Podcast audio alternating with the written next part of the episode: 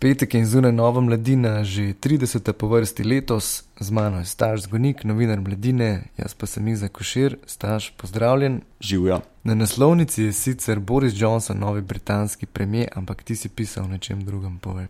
Jaz sem pisal pa o problematiki oskrbe štirih obaljnih občin z pitno vodo. Problem, ki se je zelo izrazito pokazal zdaj ob razlitju kerozina pri hrastovljah, ker so se vsi zavedli, da če se slučajno ta vir rižana onesnaži, potem enostavno ne morejo pokrivati potreb po pitni vodi, ki v času turistične sezone na obali seveda blazno narastejo, ker se za 50 tisoč ljudi poveča število prebivalcev na območju. Slovenija je sicer zelo bogata z vodo, ampak je neenakomerno porazdeljena. Povej, kakšne so rešitve? Ja, ravno obala je najbolj prikrajšana v tem smislu in že zdaj se v bistvu večinoma se rešuje z transportom vode od drugot. Ne. Recimo več kot polovico na trenutke dobivajo te občine iz hrvaškega vodovoda, nekaj vode jim pošiljajo tudi iz eh, kraškega. Zanimivo je, da recimo imamo tudi vodarno v Sečovljah, ki je v lasti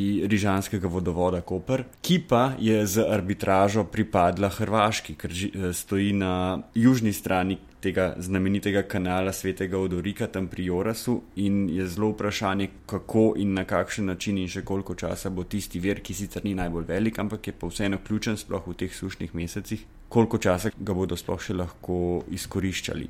Zdaj, ključna zadeva pri iskanju nekega novega, nadomestnega oziroma rezervnega vira je v tem, da je treba poiskati neko povsem novo porečje. Ne, ne bom rekel porečje, ampak povsem nov vir vode. Do zdaj so se veliko krat pojavljale ideje, da bi samo naredili kakšno zajetje eh, z vodo iz rižane in potem to koristili v sušnih mesecih. Ampak to je pač problem, ker če se rižana onesnaži ali pa potalnica tam na tem območju, potem tudi ta vir ne pride več v poštev.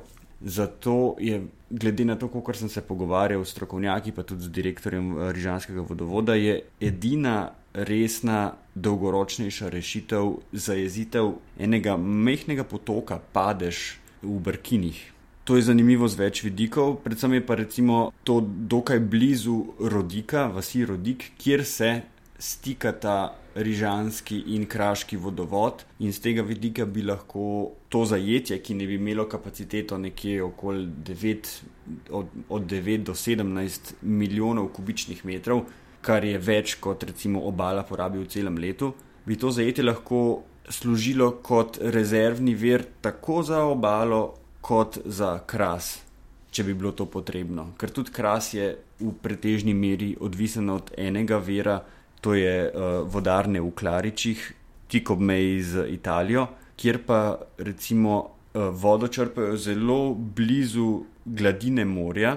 In zato nekateri strokovnjaki celo opozarjajo, da bi ob preveliki izrabi se lahko zgodil udor slane vode v ta vodonosnik. Sicer direktor Hrvaškega vodovoda to zanika, ampak verjetno se ni dobro preveč igrati z prevelikim oduzemom vode na tem območju.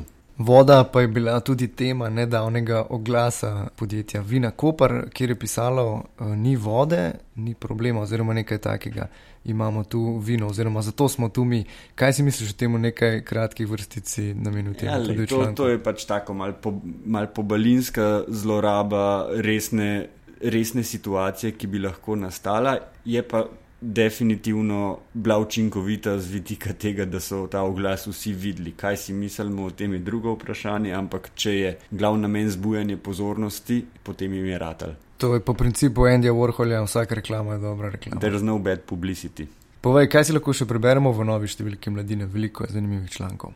Ja, vsekakor o tem, da se je Britancem zmešal s tem, ker so si Borisa Johnsona izvolili, oziroma se ga niso izvolili, to so ga predstavniki konzervativne stranke, ampak vendarle še enega Trumpa imamo. Potem je zanimiv članek od uh, Vasija Jagra o tem, kako je crkva zdaj postala turistično podjetje, ker vse več odpirajo vse več turističnih zmogljivosti na Bledu, na obali in tako naprej. Notraj pa tudi en provokativen članek o tem, kako bi izgledala Slovenija, če bi v trenutku podražili gorivo za 100 odstotkov. Hvala, Staš. Ne smemo pa pozabiti, da je še vedno na prodaj tudi posebna številka mladine, mladine intervju, ki bo na voljo celotno poletje. Kupte. Čau.